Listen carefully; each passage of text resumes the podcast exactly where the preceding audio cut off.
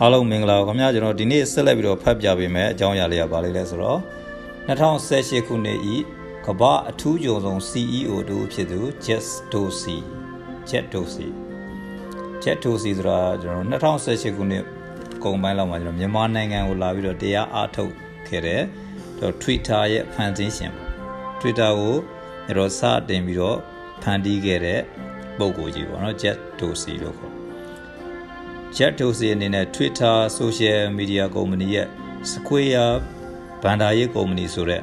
ဟိုသဘောတရားလုံးဝကွဲပြားတဲ့လုပ်ငန်းကြီးနှစ်ခုကိုတပြိုင်တည်းအောင်မြင်အောင်စွမ်းဆောင်နိုင်ခဲ့တာဟာတတိပဋ္ဌာန်ရဲ့အမခန့်အစွမ်းကြောင့်ပဲဖြစ်ပါတယ်။သူဟာမနေ့နေ့စဉ်9နာရီမှာအိယာထားပြီးတော့တနေ့ကိုနာယူဝက်မပြတ်မကွက်တရားထိုင်သူဖြစ်ပါတယ်။ဒါကြောင့် Jet Dorsey ဟာစမ်းသစ်ဖန်တီးနိုင်စွမ်း creativity အယမ်းမြင်မာပြီးတော့2011ခုနှစ်ရဲ့ ကမ္ဘာဆန်းစစ်ဖန်တီးနိုင်စွမ်းဖန်တီးနိုင်မှုအကောင်းဆုံးလူစားစုကိုလည်းရရှိခဲ့ပါတယ်။ဒါကြောင့် Jet Dorsey ရဲ့ Twitter လူမှုကွန်ရက်ဟာသတင်းစကားအတူလေးတွေနဲ့ကွဲပြားခြားနားတဲ့ differentiation viewer ကိုသုံးက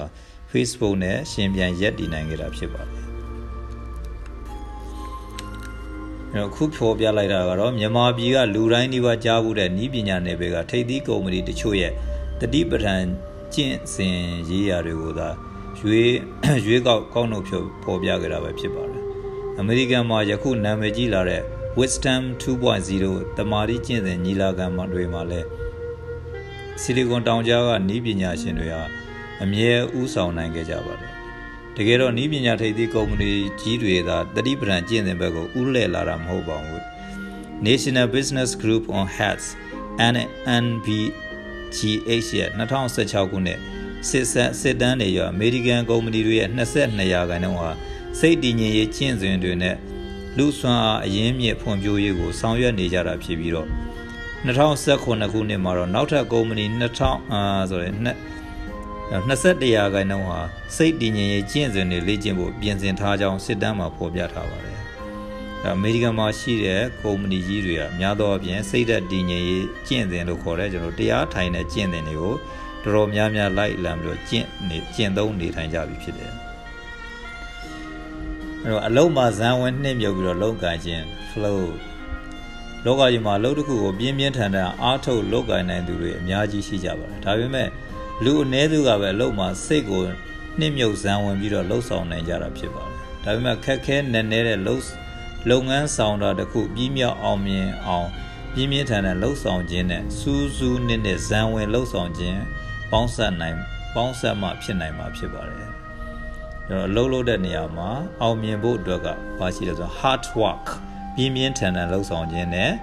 ဇန်သွင်းလှုပ်ဆောင်ခြင်း deep work လို့ခေါ်တယ် deep work နဲ့ကျွန်တော် hard work နှစ်ခုပေါင်းမှသာလျှင်လုပ်ငန်းပြီးမြောက်အောင်မြင်မှုဆိုတဲ့ success ကိုရရှိမှာဒီကိုကကိုလုပ်နေတဲ့ level မှာအောင်မြင်ခြင်းနဲ့ဆိုရင် hard work အလုပ်ကြိုးစားပြီးတော့လည်းလုပ်ရမယ်နောက်တစ်ခါ deep work လို့ခေါ်တဲ့ ကိုယ်အလုပ်ပေါ်မှာစိတ်ပါဝင်စားစွာနဲ့ကျွန်တော်အာယုံစူးစိုက်ပြီးတော့လုပ်ရမယ်ဒါမှသာလည်းကျွန်တော်အောင်မြင်တဲ့လူတစ်ယောက်ဖြစ်လာမှာဖြစ်ပါတယ် hard work နဲ့ deep work နှစ်ခုမှတ်တာပါအမေရိကန်ဝန်ထမ်းတွေကိုစစ်တမ်းကောက်ရမှာလူ100မှာ82ဦးဟာအလုံးနဲ့စိတ်မကတ်တာကိုတွေ့ရပါတယ်ဝန်ထမ်းတွေကတရက်တာအလုံးချိန်ရဲ့900ခိုင်နှုန်းကိုသာဇန်သွင်းပြီးတော့လှုပ်လှုပ်နိုင်တာတွေ့ရပြန်ပါတယ်တကယ်လို့များအလုံးချိန်ရဲ့15ရာခိုင်နှုန်းကိုသာ နှိမ့်မြုပ်ဇန်သွင်းပြီးတော့လှုပ်ကိုအလုံးလုံးမယ်ဆိုရင်အလုံးရလာနှစ်ဆ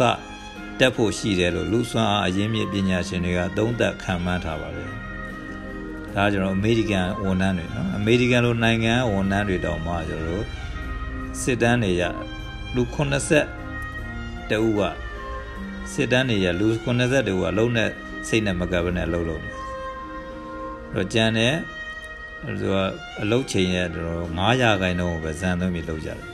ကျွန်တော်လည်းကိုယ့်ကိုပြန်သုံးသက်ကြည့်တင်တာကိုကအလုပ်ပေါ်ဘလောက်အာရုံစွစိုက်ပြီးတော့လှုပ်လှုပ်လေရှိသလဲ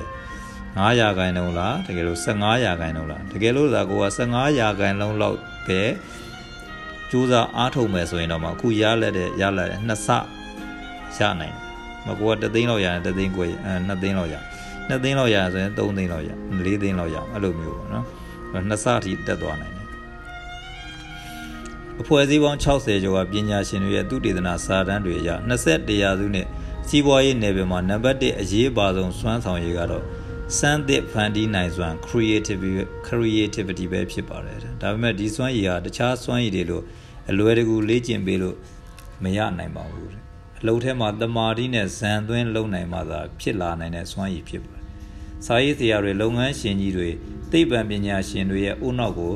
လျှက်စစ်တန်လိုက်တဲ့နှိုးဆော်ပြီးတော့ဖန်တီးဇန်သွင်းစမ်းသပ်ရမှာဒီပုဂ္ဂိုလ်ရဲ့စမ်းသစ်ဖန်တီးနိုင်စွာခုနှစ်ဆမြင့်တက်လာတာတွေ့ရပါတယ်အလုံးမှာအရေးကြီးဆုံး creativity creativity လို့ခေါ်တယ်သူများနဲ့မတူအောင်စမ်းသစ်ဖန်တီးနိုင်စွမ်းအဲ့ဒါအရေးကြီးဆုံးအလုံးမှာသဘာဝကြကြနှိမ့်မြုပ်ဇန်သွင်းလုပ်နိုင်ဖို့အတွက်ပညာရှင်များအခုလိုအကြံပြုထားပါတယ် ကိုကအလုပ်တစ်ခုကို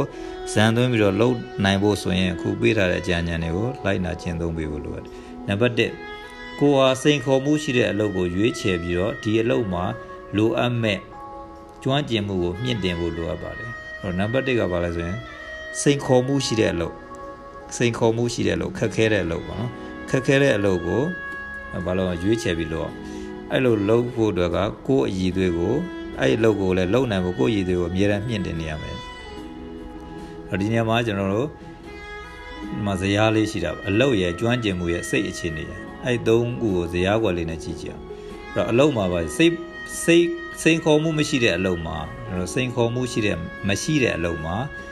ကျွမ်းကျင်မှုမရှိဘဲနဲ့လုပ်နေမယ်ဆိုရင်ဘလို့မှစိတ်ဝင်စားစိတ်ပါဝင်စားမှာမဟုတ်ပါဘူးအဲ့တော့ ကိုစိတ်ဝင်စားစိတ်မဝင်စားတဲ့အလုပ်ကိုကျွန်တော်ကျွမ်းကျင်ကျွမ်းကျင်မှုလည်းမရှိဘူးမရှိဘဲနဲ့ကျွန်တော်လုပ်မယ်ဆိုရင်ဘလို့မှစိတ်ဝင်စားစရာအကြောင်းမရှိဘူး။နောက်စိတ်စိန်ခေါ်မှုမရှိတဲ့အလုပ်မှာအရန်ကျွမ်းကျင်နေရင်လေကြာရင်ညီးငွေ့တတ်ပါတယ်တော့စိန်ခေါ်မှုမရှိဘူးခက်ခဲတဲ့အလုပ်မဟုတ်ဘူးလွယ်လွယ်လေးလုပ်ရတယ်အဲ့ဒါကိုကျွန်တော်အရန်ကျွမ်းကျင်နေကိုကလည်းအရန်ကျွမ်းကျင်နေတယ်ဆိုရင်တော့ဘာဖြစ်လာမလို့ဆိုရင်ကြာရင်ညီးငွေ့တတ်တယ်အဲ့စိန်ခေါ်မှုရှိတဲ့အလုပ်မှာစိန်ခေါ်မှုရှိတယ် ခက်ခဲတယ်စိန်ခေါ်မှုရှိတယ်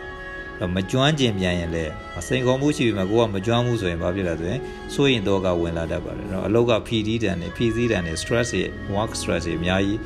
ဖြစ်လာနိုင်တယ်နောက်တစ်ခုကစိန်ခေါ်မှုရှိတဲ့အလုပ်မှာစိန်ခေါ်မှုရှိတဲ့ကျွမ်းကျင်စွာလောက်ကင်နိုင်မှသာဇံဝင်စားနိုင်မှာဖြစ်ပါတယ်။စိန်ခေါ်မှုလည်းရှိတယ်ကိုကလည်းကျွမ်းကျွမ်းကျင်ကျင်လုပ်နိုင်တဲ့ဆိုမှသာလျှင် ဘာဖြစ်လာမလို့ကိုအလုပ်ကိုဇံဝင်ပြီးတော့လုပ်နိုင်မှာဖြစ်ပါတယ်။အဲ့တော့ကျွန်တော်တို့နေကိုကိုကိုပြန်သုံးသပ်အောင်နော်ကိုကိုလုံးနေတဲ့အလုပ်က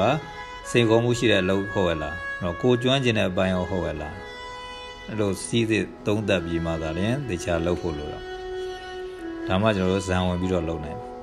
တယ်အဲ့ဒါနံပါတ်1ပေါ့နံပါတ်1ကဘာလဲဆိုရင်ကိုကစိန်ခေါ်မှုရှိတဲ့အလုပ်ကိုရွေးချယ်ပြီးတော့ဒီလုပ်မှာလိုအပ်မဲ့ကျွမ်းကျင်မှုကိုမြင့်တင်ပေးဖို့လိုအပ်တယ်အဲ့တော့နံပါတ်2က အလုပ်ဟာစနစ်ကြပြီးတော့အလုပ်ခွင်ကျွမ်းဝန်းကျင်ဟာစိတ်ငြိမ်အေးချမ်းဖို့လိုအပ်ပါတယ်ကိုလုပ်တဲ့အလုပ်ကစနစ်ကြပြီးရင်အလုပ်ခွင်ပတ်ဝန်းကျင်ကိုပေးရလူတွေဒါမှမဟုတ်ကိုယ့်ရဲ့လုပ်ဖို့ကိုင်ဘက်တွေမှာစိတ်ငြိမ်အေးချမ်းဖို့လိုအပ်တယ်တယောက်တယောက်တီးတီးငြိမ်ငြိမ်အေးချမ်းချမ်းနဲ့ဆက်ဆံပြီးလုပ်နေဖို့လိုအပ်တာနံပါတ်3ကအလုံးမှာနှင်းမြုပ်နိုင်ဖို့အတွက်အတိတ်ကိုလည်းမေ့ထားပါတဲ့အနာဂတ်ရလတ်ကိုလည်းအာယုံမပြုပါနဲ့ ပစ္စုပန်လုံးရက်ကိုသာအာယုံစိုက်ထားပါဟောကိုကအလုပ်ကိုအာယုံစုစိုက်ပြီးလှုပ်ချင်တယ်လှုပ်လှုပ်ချင်တယ်ဆိုရင်အတိတ်ကိုမေ့ထားပါအတိတ်ကဘာတွေပဲဖြစ်ဖြစ်ဖြစ်ခဲ့ကျွန်တော်ကိုမေ့ထားပြီးအနာဂတ်ရလတ်ကိုလည်းအာယုံပြုပြီအနာဂတ်ရလတ်ကိုလည်းအာယုံပြုစရာမလိုဒီကဘာအောင်ပြုရမလဲကိုအခုလှုပ်နေတဲ့အလုပ်ကိုပဲအောင်ဆိုင်အောင်ဥပမာဆိုရင်ကိုကစာရေးနေတယ်ဆိုရင်အဲ့စာရေးတာကိုပဲကိုအောင်ဆိုင်ပြီးလုပ်နေကိုစာသင်နေတယ်ဆိုရင်အဲ့စာသင်နေတဲ့အချင်းလေးကိုပဲကျွန်တော်တို့ကအောင်ဆိုင်ထားဖို့လို့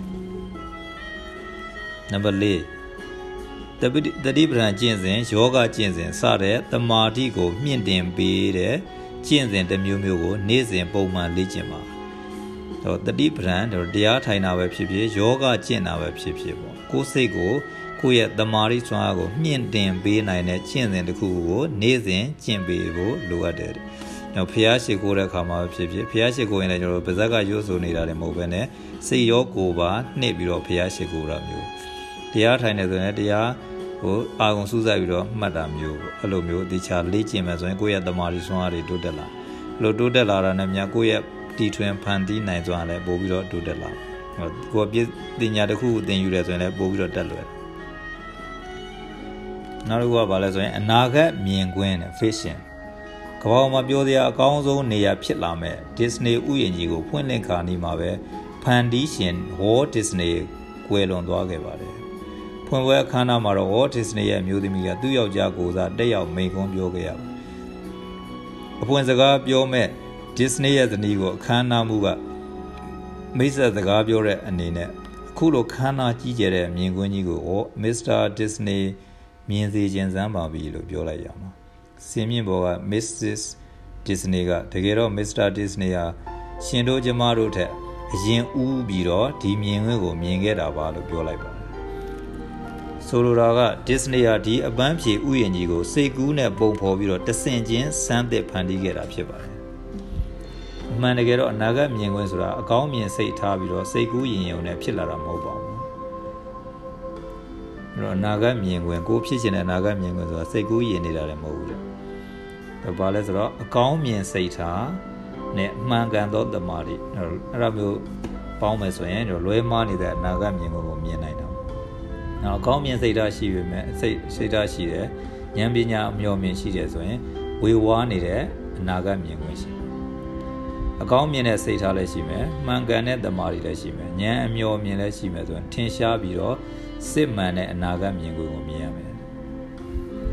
အဲ့တော့နာဂတ်မြင်ကွင်းကောင်းဖို့အတွက်ဆိုရင်အကောင်းမြင်တဲ့စိတ်ထားလည်းရှိရမယ် positive attitude လို့ခေါ်တာပါ positive mindset လို့လည်းခေါ်ရတယ်ဒါမှမဟုတ် positive attitude လို့လည်းခေါ်လို့ရတယ်ဒါမှမဟုတ် constructive constructive attitude လို့လည်းခေါ်လို့ရတယ်အဲ့တော့အကောင်းမြင်တာအကောင်းမြင်တယ်ဆိုတာ constructive ဆိုတာအဲ့တော့အပြူသဘောဆောင်တဲ့အမြင်အပြူသဘောဆောင်တဲ့အမြင်အဲ့တော့မှန်ကန်တဲ့တမာတိသူစိတ်ဓာတ်တည်ငြိမ်ပြီးတော့အေဂျင့်နဲ့စိတ်ဓာတ်လေးရှိရပြီးဉာဏ်မျောမြင်လည်းရှိရမယ်အဲ့လိုပေါင်းစပ်မှသာလျှင်ကိုကိုဖြစ်ခြင်းတဲ့အနာဂတ်မြင်ခွင့်ကရှင်းရှင်းလင်းလင်းမြင်ရမှာ လူတယောက်ဟာအနာဂတ်မြင်ခွင့်ကြည်လင်ပြည်ပြင်းနေမှစွန်စားစွန်စားရဲမှာတော့စမ်းသစ်ဖန်တီးနိုင်တဲ့ထွက်လာမှာဖြစ်ပါတယ်တော့ထင်ရှားပြီးတော့စစ်မှန်တဲ့အနာဂတ်မြင်ခွင့်ရှိမှသာလျှင်ကျွန်တော်စွန်စားရဲခြင်းဖြစ်မယ်စွန်စားရဲတာ risk ယူရဲတာ take risk okay risk ယူရမယ်နောက်ကစမ်းသစ်ဖန်တီးနိုင်စွာပို့ပြီးတော့မြင်မလာဒါမှသာလျှင်ကျွန်တော်အောင်မြင်တဲ့လုပ်ငန်းရှင်တယောက်ဖြစ်လာဒါကြောင့်ကျွန်တော်ဒီခါလေးအောင်ကျွန်တော် သင်တဲ့ကျွန်တော် speaking သင်တန်းတွေမှာဆိုကျွန်တော်အနာဂတ်မြင်မြင်ကွင်းကို visualization လို့ခေါ်တယ်မြင်ကွင်းကိုပုံဖော်ကြည့်တာအဲ့အလေးကျင့်ကလည်းကျွန်တော်စာမသိငယ်အမြဲတမ်းလုပ်နေကြရှိဟုတ်လားအဲ့ပုံစံတွေကဘာလဲဆိုရင်ကိုလိုချင်တဲ့အနာဂတ်မြင်ကွင်းကိုမျိုးလုံးနဲ့မြင်အောင်ပြီးတော့ကိုခံစားပြီးတော့လေ့ကျင့်တာပေါ့နော်အဲ့ဒါကိုကျွန်တော်တို့ဘာခေါ်လဲဆိုတော့အနာဂတ်မြင်ကွင်း vision လို့လည်းခေါ်လို့ရတယ်ဒီနေရာမှာ Walt Disney စိတ်ကူးဗျူဟာကိုကျွန်တော်အသေးသေးကြည့်မယ်ဆိုရင် Walt Disney စိတ်ကူးဗျူဟာအသုံးချစိတ်ပညာတစ်မျိုးဖြစ်တဲ့ NLP Neuro Linguistic Programming ဆိုင်ရာစာရေးဆရာကြီး Robert Davis ရဲ့ပါရမီရှင်တို့ရဲ့ view ဟာ Strategies of Genius စာအုပ်ထဲမှာ Walt Disney စမ်းသစ်ဖန်တီးနိုင်ဖန်တီးနည်းကိုအခုလိုပဲအဆင့်၃ဆင့်ခွဲပြီးတော့ဖော်ပြပေးထားပါတယ်ပထမအဆင့်စိတ်ကူးပုံဖော်ခြင်းကိုဖြစ်ချင်တာကိုစိတ်ကူးထဲမှာလွတ်လပ်စွာပုံဖော်ပါ ဘာလုပ်ရမှာလဲဘယ်အချိန်ဘယ်နေရာကနေစတင်ရမှာလဲအောင်မြင်ရင်ဘာတွေရမလဲစတဲ့မေးခွန်းတွေနဲ့မိမိကိုယ်ကိုမေးမြန်းပြီးတော့စိတ်ကူးပုံရိပ်တွေတိဆောက်ပါတော့ပထမဆုံးအဆင့်နေတယ်ကိုကဘာဖြစ်ချင်တာလဲသိအောင်ကိုဖြစ်ချင်တဲ့ຢာကိုစိတ်ကူးနဲ့ပုံပေါ်ကြည့်ရအဲ့တော့ကိုကဘာလုပ်မှာလဲโอเคပြင်ဘယ်ချိန်ကိုဘယ်ချိန်ဘယ်နေရာနေစပြီးလုပ်ရမလဲဒီအောင်မြင်ရင်ကိုကဘာတွေရနိုင်တယ်လဲ အဲ့လိုမေးခွန်းလေးတွေကိုကိုမေးပြီးတော့ကျွန်တော်တို့ကိုဖြစ်ချင်တဲ့အနာဂတ်ကိုစိတ်ကူးထဲမှာပုံဖော်ပြီးတော့နေတိုင်းမြင်နေမြင်အောင်ပြီးတော့လေ့ကျင့်နေရဒုတိယအဆင့်ကဘာလို့ဆိုစီမံကိန်းရေးဆွဲခြင်းအဆင့်အားလုံးဖြစ်နိုင်တယ်ဖြစ်ကိုဖြစ်ရမယ်လို့အပြည့်အဝယုံကြည်ပြီးတော့လုပ်ငန်းစီမံချက်ကိုအသေးစိတ်ရေးဆွဲပါကိုဖြစ်ချင်တဲ့အနာဂတ်ပုံဖော်ပြီးပါပြီအဲ့လိုဖြစ်ဖို့အတွက်ကကျွန်တော်မလုပ်ဖို့လို့လဲဆိုရင် အသေးစိတ်စီမံကိန်းချဖို့လိုတယ်ကိုကိုကိုယုံကြည်မှုရှိရှိနဲ့အသေးစိတ်စီမံကိန်းချပြီးလုပ်ဖို့လိုတယ်အဲ့တော့စီမံကိန်းဆွဲတဲ့အခါမှာစိတ်ကူးပုံရိပ်ကြီးကိုပိုင်းခြားစိတ်ပြစိတ်ဖြာပြီးတော့အကောင့်ထဲပေါ်ပါကျွန်တော်တို့အင်္ဂလိပ်လိုပြောရင် big picture လို့ခေါ်တာ big picture ကိုလိုချင်တဲ့ပုံရိပ်ကြီးဆွဲလိုက်အဲ့ဒါကိုကျွန်တော်ပိုင်းခြားပြီးတော့အကောင့်ထဲပေါ်ရမယ်တစ်စိတ်တစ်ခုချင်းပေါ့တစ်ခုချင်းကျွန်တော်ပိုင်းစားပြီးတော့တစ်ဆင့်ချင်းအကောင့်ထဲပေါ်ရ နောက်တစ်ခုကအစိတ်အပိုင်းတစ်ခုချင်းစီအတွက်လုပ်ငန်းအဆင့်ဆင့်ကိုဆက်ဆက်သတ်မှတ်ပါဥကိုကပုံရည်ကြီးကိုခွဲပြီးတော့အမပီဇာချက်လေးတွေလို့ပေါ့ကိုကပုံရည်ကြီးရှိတယ်အဲ့တော့ပီဇာတစ်ချက်ချင်းတည်းကိုကိုကပုံဖော်အောင်အဲ့လိုလေ့ကျင့်လိုအပ်မဲ့အရင်းမြစ်တွေအတွက်ကြိုတင်စီမံပါအဲ့တော့အဲ့ကိုလိုချင်တဲ့အရာကိုလည်းကျွန်တော်လိုအပ်တဲ့ဘာတွေရှိတယ်တူရင်အားငွေရင်အားပညာရင်အားစသဖြင့်အသိဉာဏ်တခုဘာတွေလိုအပ်မလဲလိုအပ်တဲ့အရာတွေကြိုတင်ပြင်ဆင်ထား ဖြစ်လာမယ့်အောင်မြင်မှုကိုတားဆီးနိုင်မယ့်နည်းလမ်းတွေကိုကြိုတင်သတ်မှတ်ပါအဲ့တော့အောင်မြင်လာရင်ဘာတွေမြင်ကြားခံစားရမလဲဆိုတာကြိုသိပါစေအဲ့တော့အောင်မြင်မှုကိုတားတိုင်းတာနိုင်မဲ့နည်းလမ်းတွေကိုကြိုတင်သတ်မှတ်ပါအောင်မြင်မှုကိုတိုင်းတာနိုင်မယ်ကျွန်တော်လှုပ်တစ်ခုလှုပ်ပြီဆိုရင်အဲ့ဒါရဲ့ကိုကျွန်တော်တိုင်းတာနိုင်ရမှာကိုလှုပ်တဲ့လှုပ်ကအောင်မြင်လားမအောင်မြင်ဘူးလားဆိုတာတိုင်းတာပေးဖို့လိုတယ်ဒါကိုကျွန်တော်တို့အင်္ဂလိပ်တော့ KPI လို့ခေါ်တယ် key performance indicator ပေါ့ကိုလှုပ်တဲ့အလုပ်ကိုကျွန်တော်တိုင်းတာနိုင်ကိုင်းတာနိုင်စွမ်းရှိရတိုင်းတာလို့ရတဲ့အရာတစ်ခုခုရှိရဒါမှသာလည်းကျွန်တော်အောင်မြင်တယ်မအောင်မြင်ဘူးဆိုတာကြိုပြီးတော့သိရမယ်တတိယအဆင့်အပြူသဘောသုံးသက်ဝေဖန်ခြင်းအဆင့်တော့ဒီအဆင့်မှာတော့ရှေ့ကရေးဆွဲထားတဲ့စီမံကိန်းကိုအပြူသဘောနဲ့ပယ်ပယ်နဲ့နဲ့ဝေဖန်သုံးသက်ရမှာဖြစ်ပါတယ်။ ကိုကကိုဖြစ်ချင်တာလည်းသိပြီစီမံကိန်းတွေလည်းတေချာဆွဲပြီးသွားပြီဆိုရင်ဘာလို့မလဲဆိုတော့ကိုရေးဆွဲတာအဲ့စီမံကိန်းတွေကိုအပြူသဘောဆောင်ပြီးတော့ပယ်ပယ်နဲ့နဲ့ဝေဖန်ရမှာအသေးစိတ်စနစ်တကျကျွန်တော်တို့ဝေဖန်ပေးရဝေဖန်တဲ့အခါမှာဒီစီမံချက်ရဲ့အားနည်းချက်ကဘာလဲ။ဘာပြော့ကွက်ဟာကွက်တွေရှိသလဲရှင်းနောက်မညီတာတွေရှိသလားဘာပြဿနာတွေဖြစ်ပေါ်လာနိုင်ခြေရှိသလဲအလုံးမဖြစ်နိုင်တဲ့အခြေအနေအချိန်ခါတွေကဘာတွေလဲ ဘယ်သူတွေကအနှောက်အယှက်ပေးနိုင်သလဲဘာတွေပြုပြင်ဖို့လိုအပ်မလဲစတဲ့မေးခွန်းတွေကိုမေးမြန်းပြီးတော့စီမံချက်ကိုသုံးသပ်ရမှာဖြစ်ပါတယ်အဲ့တော့ Walt Disney ကသူ့လိုစိတ်ကူးပုံဖော်နိုင်စွမ်းမရှိသေးတဲ့ဝန်ထမ်းတွေရဲ့စိတ်ဓာတ်ကိုမြင့်တင်နိုင်ဖို့အတွက်သူ့ရဲ့ Disney ဥယျာဉ်ကြီးတိစောက်ခဲ့ရမှာအင်မတန်ဆွဲဆောင်မှုရှိတဲ့ Cinderella ရဲတိုက်ကြီးကိုအရင်ဦးဆုံးပြီးစီးအောင်တိစောက်ပါတယ်။ သူ့ရဲ့ဝန်ထမ်းတွေကဒီရဲတိုက်ထဲမှာပဲရုံးထိုင်အနားယူကြပြီးတော့ဒီရဲတိုက်ကြီးရဲ့ခံညာထေဝါမှုကိုနေ့စဉ်ကြည့်ရှုကတခြားအဆောက်အုံတွေကိုတက်ကြွစွာတိစောက်ခဲ့ကြတဲ့အတွက်ကြောင့်ကဘာမှာအပြိုစရာအကောင်းဆုံးရအောင်လို့သမုတ်နိုင်တဲ့ Disney ဥယျာဉ်ကြီးဖြစ်တည်လာခဲ့တော့ဖြစ်တည်လာခဲ့တာဖြစ်ပါတယ် Walt Disney က Disneyland ဆိုခေါ်တာပေါ့ Disneyland ကိုတည်ဆောက်တဲ့အခါမှာပထမဆုံးအနေနဲ့ Cinderella ရဲတိုက်ကြီးကိုတည်ဆောက် အဲရဲတိုက်ကြီးကိုတည်ဆောက်ပြီးတဲ့အခါမှာသာလျှင်ဒီရဲတိုက်ကြီးကိုငါတို့ကောင်းကောင်းတည်ဆောက်နိုင်တယ်ဒါကိုတော့ကောင်းဆိုတော့တည်ဆောက်နိုင်တခြားဆောက်ယူတယ်ကောင်းတည်ဆောက်နိုင်မယ်ဆိုတော့စိတ်ဝင်တော့သူ့ရဲ့အလုပ်သမားတွေကိုသူကစိတ်သက်ခွန်အားဖြစ်အောင်မြင့်တင်ပေးတာအဲ့လိုနေနဲ့ကျွန်တော်တို့အခု Disneyland လို့ခေါ်တယ် Disneyland American နဲ့ကမ္ဘာမှာ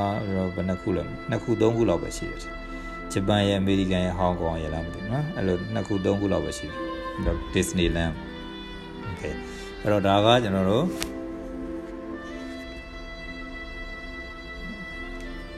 ဒါကျွန်တော်စာပတ်တာဒီလောက်ပေါ့ဒီနေ့ကတော့ဒီလောက်ပဲနောက်မနေ့ပြန်အောင်မှကျွန်တော်ဒုတိယပိုင်းကိုဆက်သွားမယ်နော်ဒုတိယပိုင်းအဲ့တော့အားလုံးကျမ်းမာချမ်းသာစွာနဲ့သက်တောက်တဲ့နာနေကြရပါလို့ဆုတောင်းရင်းနဲ့ဒီနေ့ရဒီလောက်ပဲ Okay see you next time